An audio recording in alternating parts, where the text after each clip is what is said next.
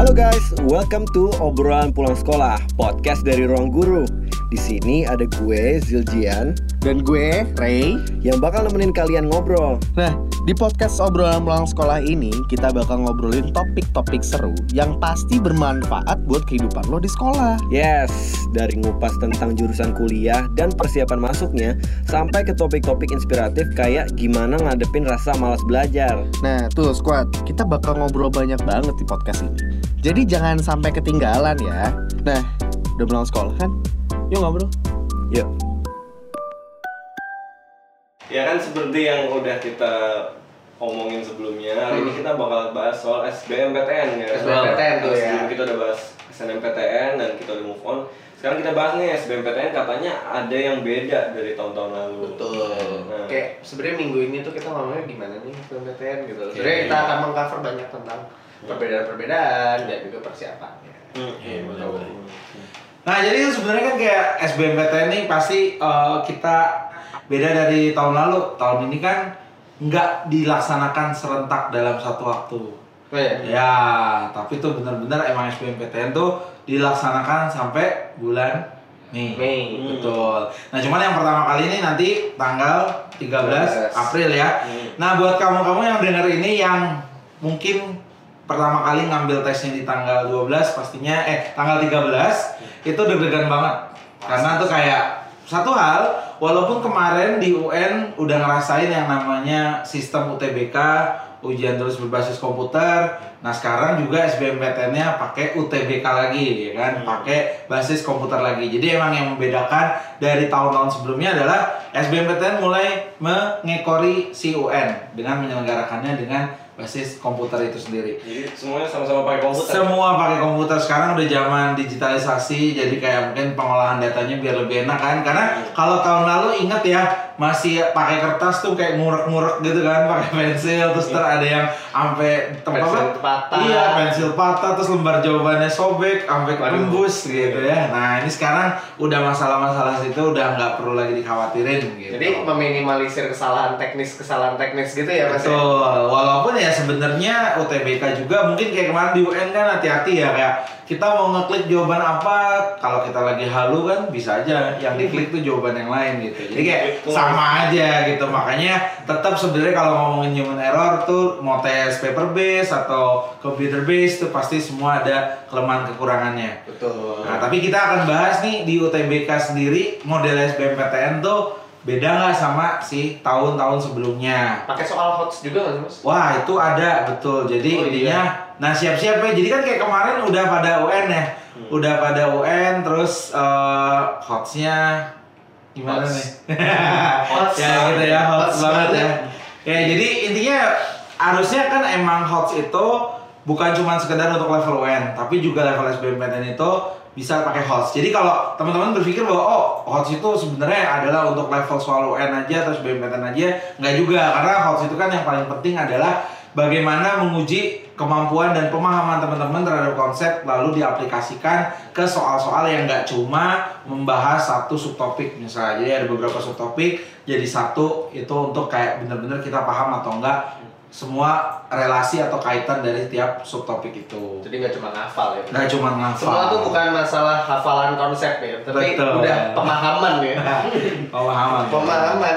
Nah, berarti buat squad-squad semua yang kemarin perjuangannya belum berakhir, Nah. nah, jangan berharap kayak kalian bakal meninggalkan hots ya. Iya. Malah hots itu harus jadi bagian dari keseharian kalian. Betul. Makanya kalau belajar harus benar-benar iya paham konsep bukan cuma ngafal doang. Kalau cuma ngafal doang ya nggak akan lah ini selesai ya kan. betul betul Nah, eh sebenarnya apa sih kan? Maksudnya dulu tuh dulu SBMPTN tuh nyobainnya eh nyobainnya ngerjainnya tuh pakai apa sih?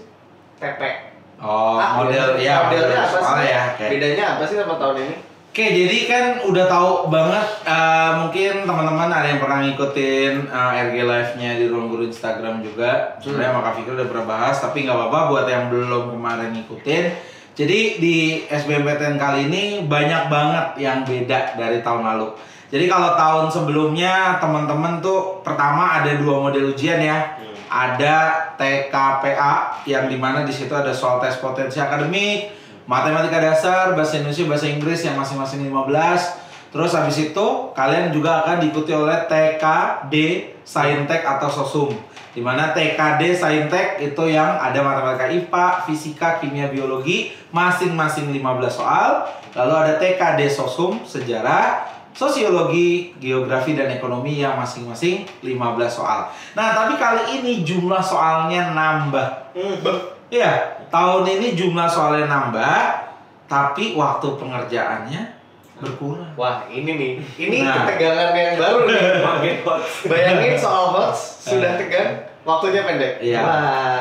Nah, pertanyaannya berarti gini. Kalau teman-teman berpikir nih, misalnya ya kita mulai ya. Tahun ini pertama ada tes potensi skolastik. Totalnya ada 80 soal. Nah, 80 soal itu akan dibagi jadi empat bagian. Bagian yang pertama itu adalah tes yang namanya penalaran umum. Jadi penalaran umum itu dibagi jadi 12 soal yang ngomongin penalaran logis atau penalaran analitis. Lalu kemudian ada eh, eh sorry 14 soal, 14 soal penalaran logis dan analitis. Habis itu diikuti 6 soal penalaran kuantitatif. Jadi yang penalaran pakai ngitung-ngitung sedikit. Nah, terus habis itu juga ada yang namanya tes pemahaman bacaan. Jadi ini modelnya kayak bahasa Indonesia gitu, 20 soal. Hmm. Tapi ntar ngomongin kayak tentang misalnya penggunaan kata baku, imbuhan. Pokoknya kayak ngomongin tentang pemahaman bacaan gitu, gagasan pokok apa gitu. Dan selanjutnya ada tes pengetahuan umum. Dari namanya kayaknya kita berpikir tes pengetahuan umum tuh kayak yang wawasan-wawasan gitu. Ternyata enggak. 20 soal tes pengetahuan umum itu dibagi jadi 12 soal bahasa Indonesia lagi. Tapi beda sama yang pemahaman bacaan. Jadi benar-benar bahasa Indonesia terkait dengan kemampuan kita berbahasa gitu, bukan kayak kemampuan kita memahami bacaan. Lalu ada 8 soal bahasa Inggris. Nah, jadi makanya kan kemarin sempat beredar nih rumor katanya, oh TPS tuh diambil dari sebuah tes bakat stolastik kayak SAT atau eh, istilahnya Scholastic Aptitude Test, di mana di situ nggak ada bahasa Indonesia, bahasa Inggris. Akhirnya dipatahkan bahwa di dalam TPS ini tetap ada bahasa Indonesia sama bahasa Inggris. Tapi enak, bahasa Inggrisnya tadinya 15 soal tahun lalu sekarang cuma 8. Iya, jadinya buat yang takut mungkin kan ada nih di antara teman-teman yang merasa bahasa Inggris adalah kelemahannya, ya bisa lumayan bersyukur lah.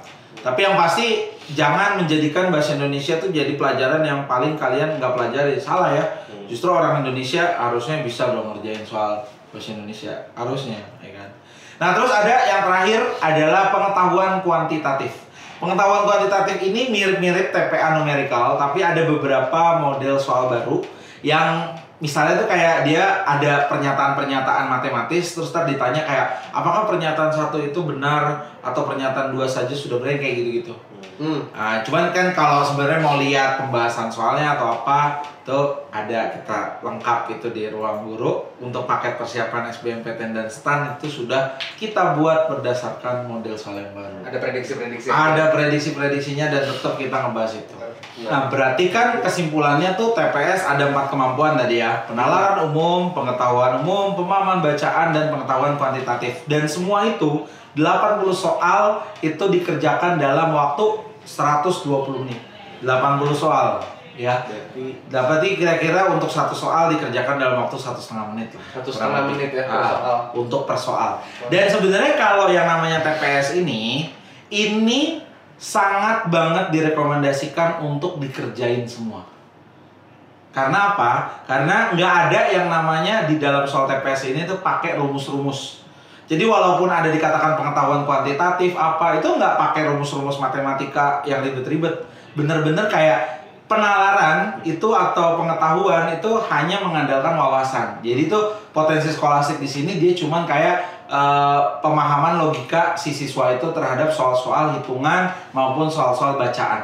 Jadi emang harusnya ini kalau ngerjainnya disiplin kayak tadi satu soal satu setengah menit tuh cukup banget buat ngerjain itu semua. Tapi juga jangan takut. Biasanya kan ah nggak mau ngerjain semua takut salah salah di minus. Iya. Nah sekarang tuh enak.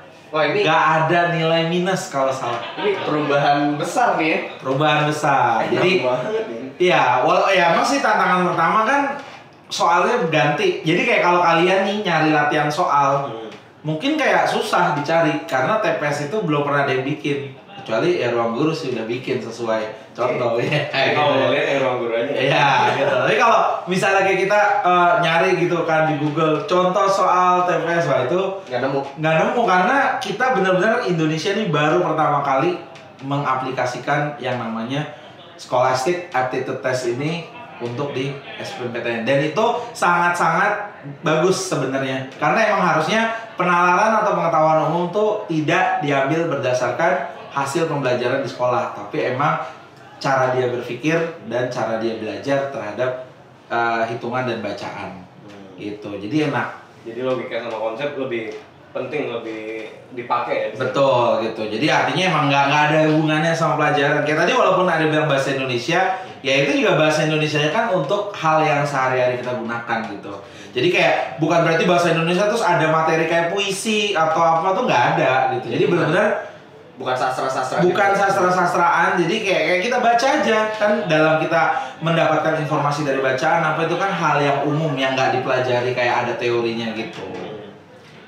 Bener sih. Ah. Nah, tapi Mas Riki, Oke. eh, tadi tuh kan dengan soal yang lebih banyak, tapi waktunya jadi makin dikit nih. Ah. Nah, pasti kan squad-squad semua Pak, ada yang bingung nih, gimana Iya. caranya kita ngerjain soal sebanyak itu dalam waktu yang lebih singkat nih. Iya. Nah, kira-kira Kak Fikri punya tips-tips buat anak-anak yang mau ngerjain ntar gimana? Oke. Pertama kan kalau ini kita masih ngomongin TPS ya. Hmm. TPS tadi direkomendasikan untuk dikerjain semuanya, tapi terus kemudian juga harus cepat kan. Iya. Karena kadang kalau dipikir-pikir nih satu setengah menit kayaknya adalah waktu yang terlalu singkat juga untuk ngerjain satu soal. Itu alasannya karena kita nggak terbiasa sama soalnya. Misalnya contoh, kalau dulu nih teman-teman tahu kan di TPA zaman dahulu SBMPTN tuh ada deret angka, kemudian ada eh, istilahnya kayak premis silogisme, ada yang sinonim, antonim atau hubungan kata. Itu kan nggak akan mungkin bisa mengerjakan dengan cepat kalau kayak sebelumnya nggak pernah latihan. Sebelumnya nggak tahu nih soalnya tentang apa, cara ngerjainnya gimana gitu. Makanya yang paling penting kalau yang namanya TPS itu adalah latihan sebanyak-banyaknya supaya kita tuh terbiasa. Misalnya kita terbiasa memahami bacaan atau kayak menghitung kuantitatif kan kayak hal-hal yang ditanyakan tuh sama aja. Cuman kan paling kayak nanti beda soal, beda angka gitu. Jadinya makanya kalau udah kayak gitu sering latihan gitu. Sebutannya itu bisa karena biasa Bisa karena biasa gitu. Nah, cuman kan yang penting juga bahwa TPS itu komposisinya juga nggak kalah penting dari yang saintek atau sosum. hmm. Bentar. Nah, tapi kan dibilangnya Hah? soal TPS ini belum ada nih Hmm. secara umum di Hmm. Indonesia ya kan Betul. terus tapi kan kita harus latihan betul. latihan gimana dong Nah, jadi gini, selain tadi memang di ruang guru kita Oh. sudah menyediakan model soal yang ini, nggak ada salahnya juga kita tetap mempelajari soal-soal TPA 5 tahun ke belakang. Karena masih pasti banyak nih di antara teman-teman yang berpikir, ah ini mah mentang-mentang yang namanya soal TPS baru, terus kayak merasa nggak mau lagi belajar soal-soal tahun-tahun sebelumnya. hmm. Nah, jadi kayak misalnya contoh, tadi ada TPA numerikal yang kurang lebihnya sama kayak pengetahuan kuantitatif. Terus juga ada soal-soal bahasa Indonesia yang ada SBMPTN tahun lalu, itu pun bisa dipakai dalam pemahaman bacaan dan juga pengetahuan umum. Hmm. Bahasa Inggrisnya juga. Nah, kalau yang penalaran umum itu kan tadi kayak ngomongin penalaran logis dan penalaran analitis.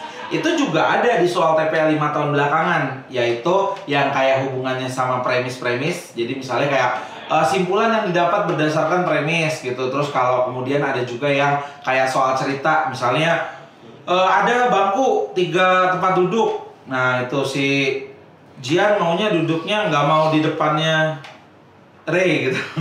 yang kayak gitu kan ada ya soal-soal seperti itu. Nah itu juga kalau nggak biasa ngerjain soal-soal urutan kayak gitu, itu pun juga nanti akan makan waktu banyak. Hmm. Jadi tetap ini cuman perbedaan penyajian soalnya aja, tapi sebenarnya kemampuan yang diuji itu sama aja. Jadi esensi dari soal sebenarnya sama. Sama aja. Cuman bedanya kalau sekarang tuh kayak premisnya itu diambil eh sorry, premisnya itu disajikan bukan dalam bentuk kalimat doang tapi dalam bentuk wacana. Yang ujung-ujungnya juga ditanyanya hanya kalimat tertentu aja. Jadi kayak itu cuma masalah tampilan doang. Hmm, Berarti nggak ada salahnya dong kalau kita belajar soal-soal yang sebelum-sebelumnya kan? ya? nggak ada yang salah nggak pernah ada yang rugi namanya belajar tuh nggak pernah ada yang rugi gitu jadi emang harus sesuatu yang benar-benar kita uh, pelajari itu pasti nanti ada manfaatnya Dan tadi ya manfaatnya bukan cuma jadi bukan berpikir oh ini kita belajar soalnya karena sama, tapi kita belajar supaya kita terbiasa menganalisis, berpikir logis dan juga melakukan nalar secara kuantitatif gitu. Oke oke oke. Nah, kita balik lagi kali ya ke eh, ngerjain soal-soal ini gitu. Hmm. Dengan waktu yang lebih sedikit, ya kan. Nah, ada tips lain nggak nih kak? Gimana caranya eh, dengan soal lebih banyak ini kita bisa ngerjain semua, kita Iya. bisa ngerjain dengan efektif. Oke. Paling yang jadi tantangannya tadi ya kalau TPS harusnya dengan disiplin waktu dan banyak latihan tuh pasti waktu yang sekitar 120 menit itu cukup. Nah, cuman yang jadi pertanyaan juga gimana kalau misalnya kita itu mengerjain yang pilihan saintek maupun sosum. Hmm. Saintek itu ada empat pelajaran, matematika IPA, fisika, kimia, biologi, dengan waktunya cuma 90 menit. Jadi artinya kurang lebih satu mapel yang isinya 20 soal itu cuma dikasih waktu 22,5 menit. Nah kalau kita ngitung kan secara logika berarti satu soal hanya dikerjakan satu menit nggak mungkin kan? Iya. Nah makanya sebenarnya fungsi dari pembelajaran ini tuh bukan atau ujian ini itu tuh bukan untuk menjawab semua, tapi mencari jawaban benar sebanyak-banyaknya. Ini udah TKA ya? Iya, ini yang TKA betul untuk TKA Saintek dan Sosum. Jadi kalau tadi di yang TPS silahkan kerjakan semua karena harusnya dengan banyak latihan dan juga dengan eh, istilahnya apa tadi penalaran yang mungkin baik itu harusnya cukup waktunya. Tapi untuk yang si Saintek atau Sosum itu harusnya sesuatu yang emang kita dari awal tuh strategikan. Oh. Jadi nggak berarti kayak itu semua 20 kali 4 kalau di sorry di apa TKD eh TKA Saintek itu kan berarti ada 80 soal. Soal. Sementara buat yang sosum karena ada matematika IPS ya sekarang jadi ada matematika IPS, sejarah, sosio, ekonomi dan geografi artinya ada 100 soal dalam waktu 90 menit. Menarik ya? Ya kan? Makanya kan artinya 20 soal dikerjakan dalam waktu 18 menit. Itu kan kayak nggak mungkin dikerjain semua kan? Iya. Nah itu, jadi kayak kita sudah di, dari ruang guru, dari kakak-kakak master teacher itu pernah mempersembahkan pembahasan terkait dengan topik-topik apa aja yang sering keluar. Hmm. Ya kan? Jadi buat kalian yang nggak mengambil tes tanggal 13 April ini, waktu kalian sebenarnya masih banyak untuk persiapan. Dan sebenarnya yang tadi, jadi kayak kita tahu topik-topik apa yang sering keluar. Nah, fokuslah pada topik-topik itu. Jadi misalnya gini, aku dulu lemah nih matematika gitu. Tapi bukan berarti terus aku nggak mau belajar matematika. Aku belajar topik-topik yang aku suka. Tapi kan sedianya apa? Nggak ada kayak nilai kosong di mapel tertentu kan. Jadi tetap kita ngerjain gitu. Jadi tetap semua pelajaran harus dijawab. Betul gitu. Meskipun nggak harus harus semuanya semuanya. terjawab. Betul. Jadi emang harus tahu dong kekuat kemampuan diri sendiri itu bagusnya di mana gitu kan. Ya. Ya mungkin buat teman-teman di sini karena berpikirnya ini nggak ada nilai minus kalau jawab salah, ya udah nembak aja. Wah. Pasti banyak yang berpikir kayak gitu. Cuman coba deh teman-teman perhatikan kenapa panitia memberikan waktu yang begitu singkat untuk semua ya tadi ya untuk saintek 22 setengah menit untuk 20 soal dan untuk yang sosum 18 menit untuk 20 soal. Artinya mereka tuh tahu kalau teman-teman jawab semua itu berarti ngasal. Oh. Ya, tahu biar lah. ketahuan ya. Iyalah. Karena kan kayak juga secara logika nggak mungkin dong satu soal dalam waktu satu menit. Padahal tadi yang di TPS aja yang dikatakan bukan soal yang pakai apa rumus-rumus dan konsep itu aja kayak masih dikasih waktu satu setengah menit. Apalagi ini. Pakai rumus. Hmm. Malah turun dong. Nah, udah pakai rumus, harus tahu hafal apa juga. Eh, kok malah ngerjainnya satu menit. Nah itu. Justru kayak malah teman-teman yang berusaha kayak ah udah nembak aja lah. Simsalabim pokoknya mudah-mudahan tembakannya bener itu juga hati-hati. Karena kan juga namanya seleksi ini nggak cuma dia atau pihak panitia tuh nggak cuma ngelihat oh berapa sih jumlah dia bener, tapi termasuk juga ngelihat komposisi jumlah benar dia dan jumlah salah dia tuh berapa. Jadi jangan sampai kayak kita jawab semua nih. Tahu-tahu benernya 8, salahnya 12. Itu kan nilainya akan lebih jelek daripada anak yang menjawab 7 tapi betulnya 6 dan salahnya 2. Komposisinya jelas ya. Jadi dia jumlah benarnya itu lebih banyak daripada jumlah salahnya. Jadi kayak kalau mau nembak juga jangan asal. nih ya, dalam cara berpikir HOTS, soal yang dibuat dengan tema HOTS itu biasanya nggak cuman sekedar soalnya doang, Hmm. tapi ada pilihan jawaban yang cara apa istilahnya kayak cara bikin pilihan jawaban tuh ada aturannya. Misalnya, ada satu pilihan yang memang sudah jelas salah.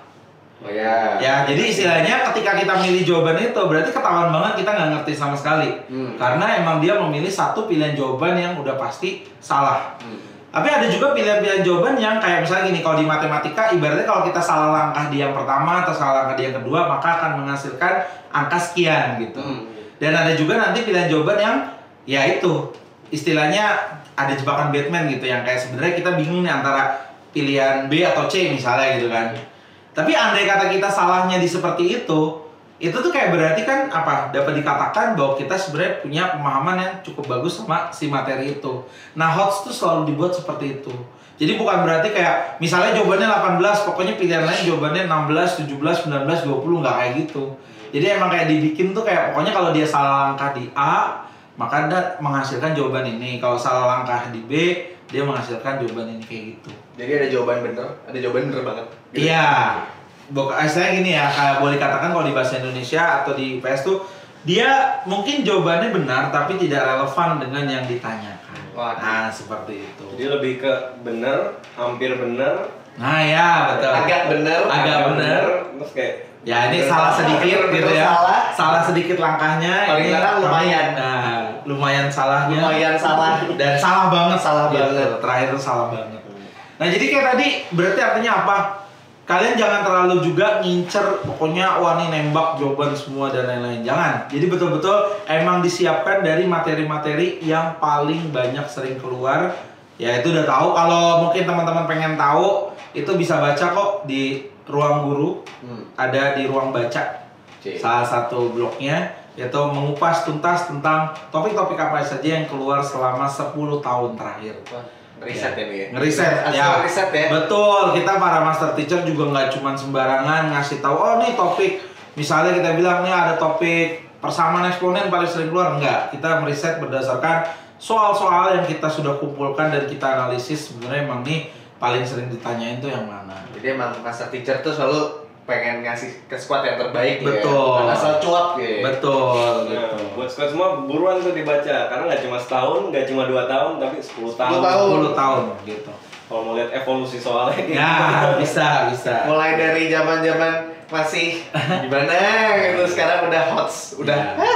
Bahkan tuh sam- dari kita mulai dari yang waktu itu belum ada TPA. Oh. belum ada gitu. Jadi kayak tiba-tiba tuh masih semua soalnya ada 90 soal TPA bayangin tuh.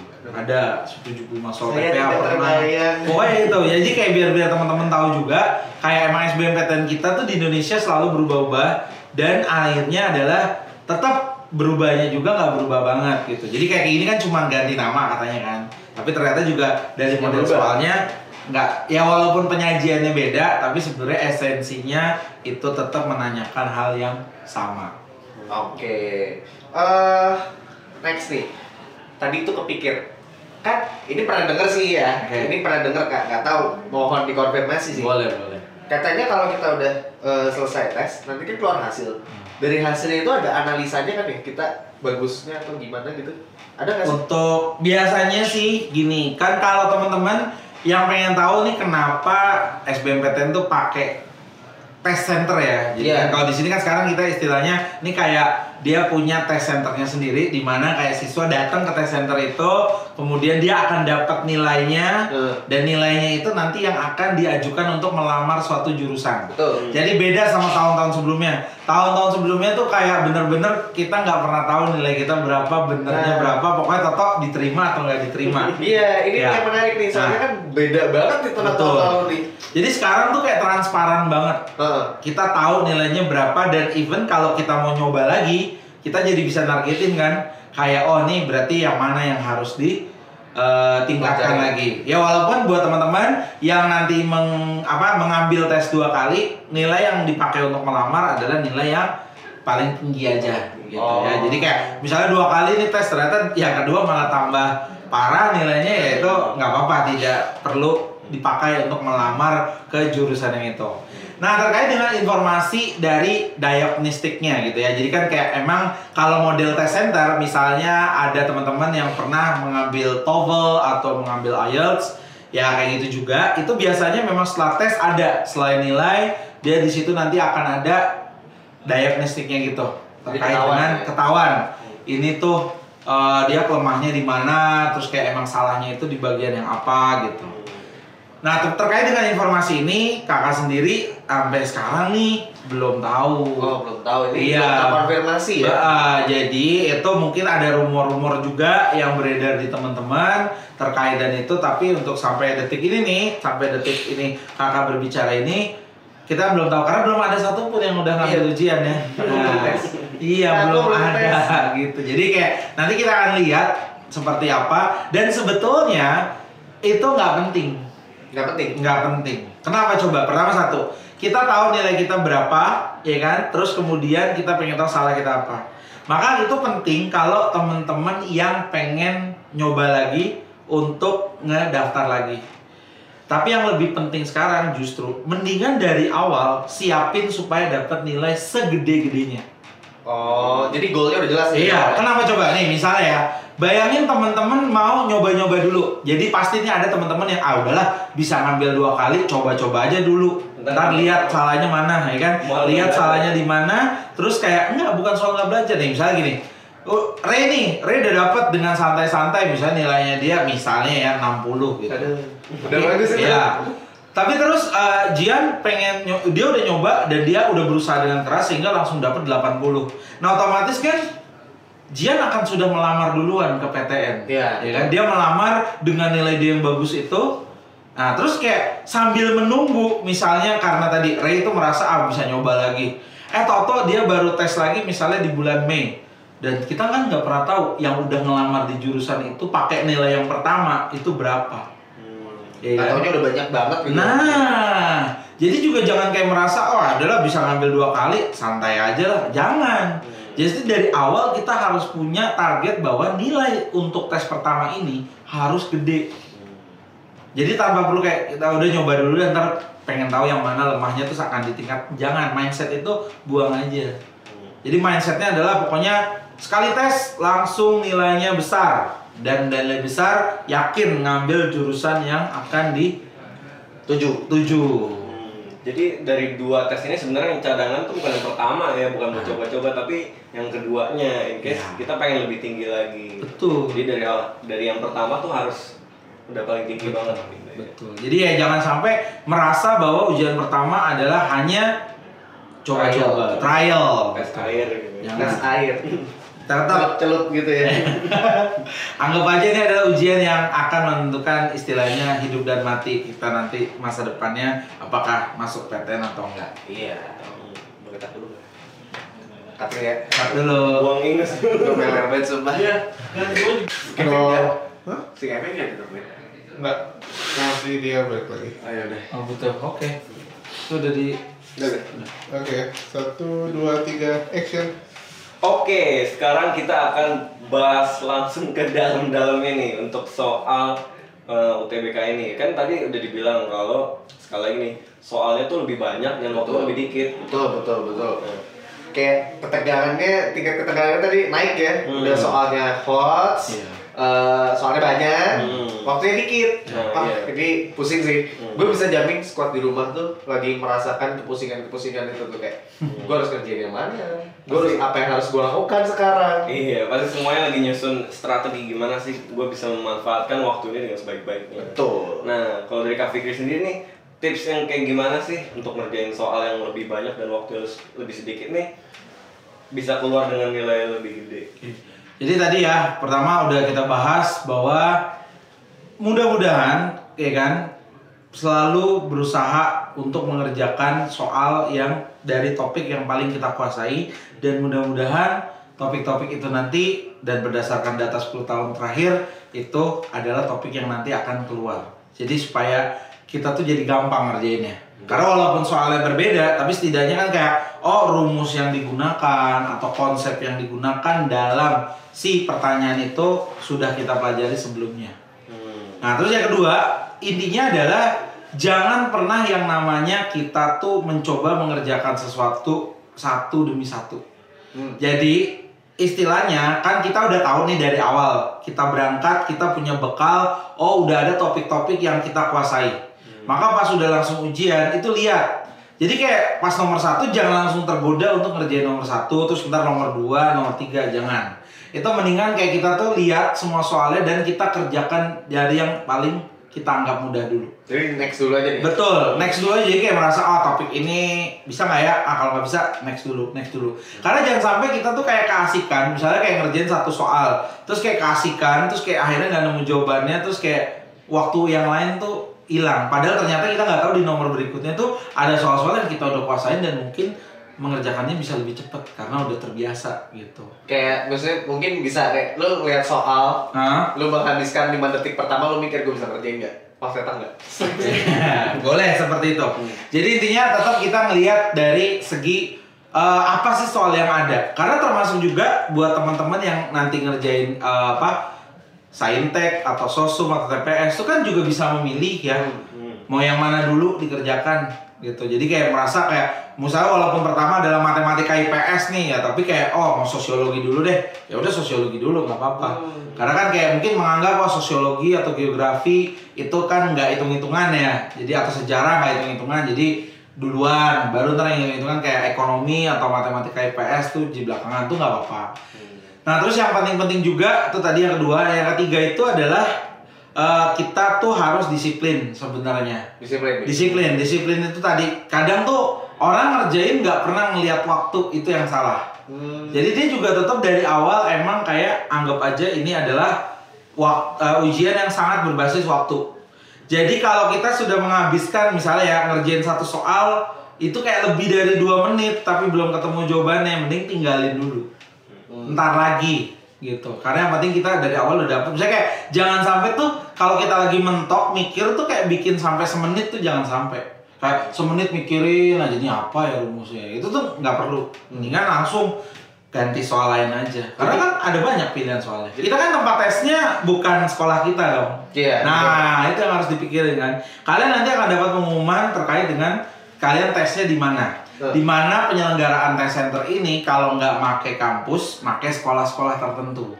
Dan biasanya kalau dari tahun ke tahun sih eh, belum tentu di daerah yang sama. Misalnya Jian nih anak Jakarta Selatan, tesnya di Jakarta Selatan juga belum tentu. Oh, bisa, Bisa aja aja. bisa di Banten gitu. ya? Nah, nggak juga sih. Palingan Jakarta Pusat atau Timur gitu Oh. ya. Mungkin bisa juga ke selatan kayak ke Depok gitu-gitu bisa. Nah, yang paling penting tuh soal ruangan itu juga kita harus dari awal survei. Oh. Ini ada persiapan yang sebetulnya tadi kan persiapan belajar ya. Heeh. Persiapan yang kedua itu justru adalah survei lokasi dengan baik Jadi teknisnya ya. teknis. Nah ini kan mumpung nih hari ini weekend ya kan.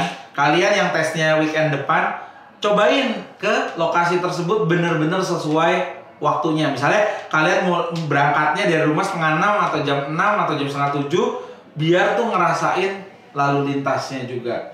Jangan sampai terlambat, jangan sampai nyasar nyasar, jangan Nyasar. sampai ya walaupun udah ada teknologi GPS dan lain-lain, tetap ya itu harus disurvei. Jadi kita juga harus tahu medan tempat kita nanti bertempur. Karena percuma persiapan belajar dan lain-lain, tapi ternyata tiba-tiba kalian ada apa-apa di jalan tidak memprediksi bahwa oh nih kira-kira butuh waktu berapa lama sih? Karena walaupun kalian berpikir ah weekend tuh tenang aja nggak macet, ya belum tentu juga. Di beberapa daerah justru weekend malah Macet. macet gitu. Karena kan kembali lagi ya belum tentu kalian ke tempat yang biasanya emang kalian datengin. Jadi kalian udah menguasai area Jakarta Selatan misalnya ya belum tentu juga kalian ngerti kan di Jakarta Timur tuh kondisinya gimana gitu. Dan itu itu salah satunya juga kita harus persiapan yang namanya mental Persiapan mental. nah Hmm. mental itu sebetulnya adalah yang perlu dijaga tuh bukan sebelum ujiannya tapi pada saat ujiannya. Hmm. berdasarkan pengalaman itu banyak nih. Kita kan nggak kenal ya sama orang di sekitar kita. Terus kita suka iseng kan ngelirik-lirik. Terus Toto melihat dia jawabannya udah banyak. Itu udah langsung kayak panik. Loh kok dia jawabannya udah banyak ya? Kok saya baru dikit ya? Jangan-jangan saya yang salah gitu. Apa ngomongin kelamaan? Nah gitu kan. Jadi mental itu juga justru harus disiapkan nggak cuma sebelumnya, pada saat ujian. Jangan terpengaruh terkait dengan misalnya nih ya, udah ada yang ngumpulin. Nah, belum tentu juga yang udah ngumpulin itu artinya dia nilainya bagus atau dia karena dia pinter. Bisa aja karena emang dia udah nyerah gitu kan.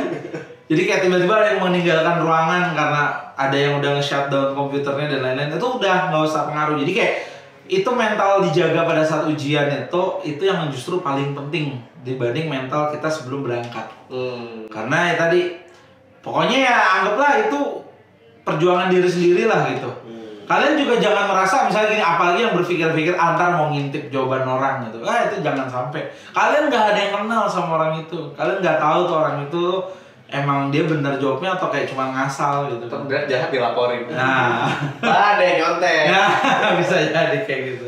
Jadi artinya adalah bahwa jaga tuh mental kalian sama ujian, jangan terpengaruh. Waktunya udah ditentuin, kalau ada yang selesai lebih cepet, jangan kayak ke bawah nafsu untuk ngikut-ngikut juga selesai. Hmm. Mendingan tetap waktunya 120 menit kerjain 120 menit. Kalau udah selesai, merasa udah selesai itu periksa. Selama ini kekurangan orang tuh adalah kayak dia merasa udah jawab selesai terus kayak udah malas lagi ngeliat. Iya. itu nggak boleh. Jadi mental-mental seperti itu tuh harus dihilangkan. Jadi benar-benar udah selesai diperiksa yakinkan bahwa oh ini jawabannya benar. Hmm, jadi intinya sebenarnya dalam tes ini kan yang dites kita gitu kan. Ya. Jadi pas udah waktu yang ngerjain, mending fokus sama diri sendiri aja. Betul. Jangan Fokus sama sampai- soalnya gitu. Betul, jangan sampai lu ternyata teman kanan kiri lu temenan gitu kan. Terus Iya. Lu udah bisa jawab berapa? Wah, kejawab semua. Lu sih bisa berapa? Ya, setengahnya lah. Terus ya, gue cuma bisa jawab lima.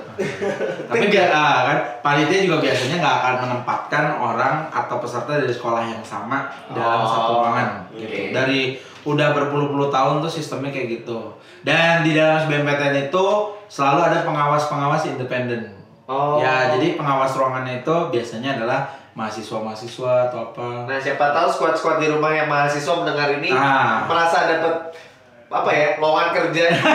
Lumayan loh. Ya itu biasanya udah ditawarin sama pihak rektorat. Rektorat, iya. Pihak rektorat yang nawarin langsung biasanya itu. Oke, Gi. gila. Ini hari ini sebuah pencerahan sih. Pencerahan banget. pencerahan banget buat kita kita nggak sih buat kita squad di rumah yang Hmm. lagi mau apa menjelang SBMPTN nih menjelang UTBK ya kan Hmm. emang hari ini kita coba kita recap ya kita recap udah ngomongin apa aja nih kita Ji Tadi tuh kita udah ngomongin soal apa sih bedanya SBMPTN yang sebelum-sebelumnya dengan yang tahun ini kan yang Betul. baru. Nah, banyak kan hal yang baru apa itu? aduh apa aja apa aja sih tadi Mas Fikri Pokoknya pertama kita tahu bahwa SBMPTN ini model soalnya beda. Betul. Ya, jadi apa yang diujiankan tadi TPS, kemudian TKA jumlah soal, waktu pengerjaan dan bahkan format mengerjakan soalnya itu kan Beda. beda gitu.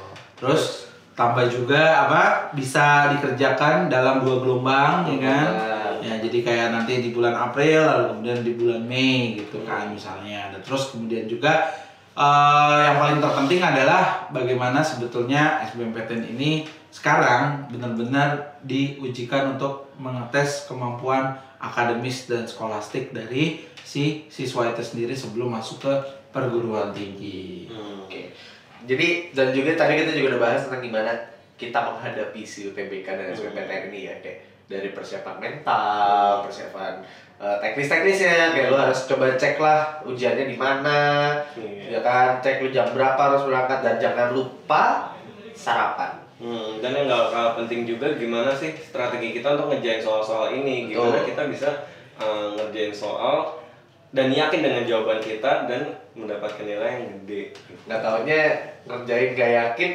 malah makin jelek nilainya kan. Jadi yakin dulu lah ya. Hmm. Gitu. Oke. Topik yang kita bahas hari ini tuh sangat-sangat luar biasa sih kata gue. Hmm, kalau bisa dengerin berulang-ulang ya Iya. biar dari belakang kepala Jadi tahu gitu loh kayak oh ya ini serem sih UTBK SBMPTN tapi ini adalah fight lu sendiri jangan sampai lu bawa-bawa nyontek-nyontek lah segala macam. Iya. Ya tau lah ini diri lu sendiri lah ya kan. Oke, thank you banget. Sama-sama, Thank you sama-sama. banget. Thank you banget.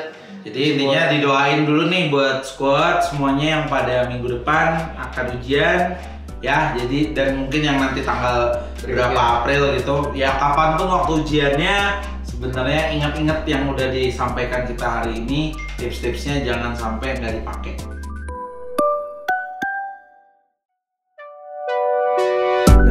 Sampai situ pembahasan kita hari ini ya. Soalnya udah waktunya buat kita pamit. Tetap dengerin podcast obrolan pulang sekolah di platform favoritmu. Ada episode baru setiap hari Sabtu sore di Spotify, Apple Music, dan SoundCloud. Kita akan bahas topik-topik yang lebih seru dan bermanfaat tentunya. Bener banget. Oke, gue Jian. Dan gue Ray, Sampai ketemu di episode selanjutnya.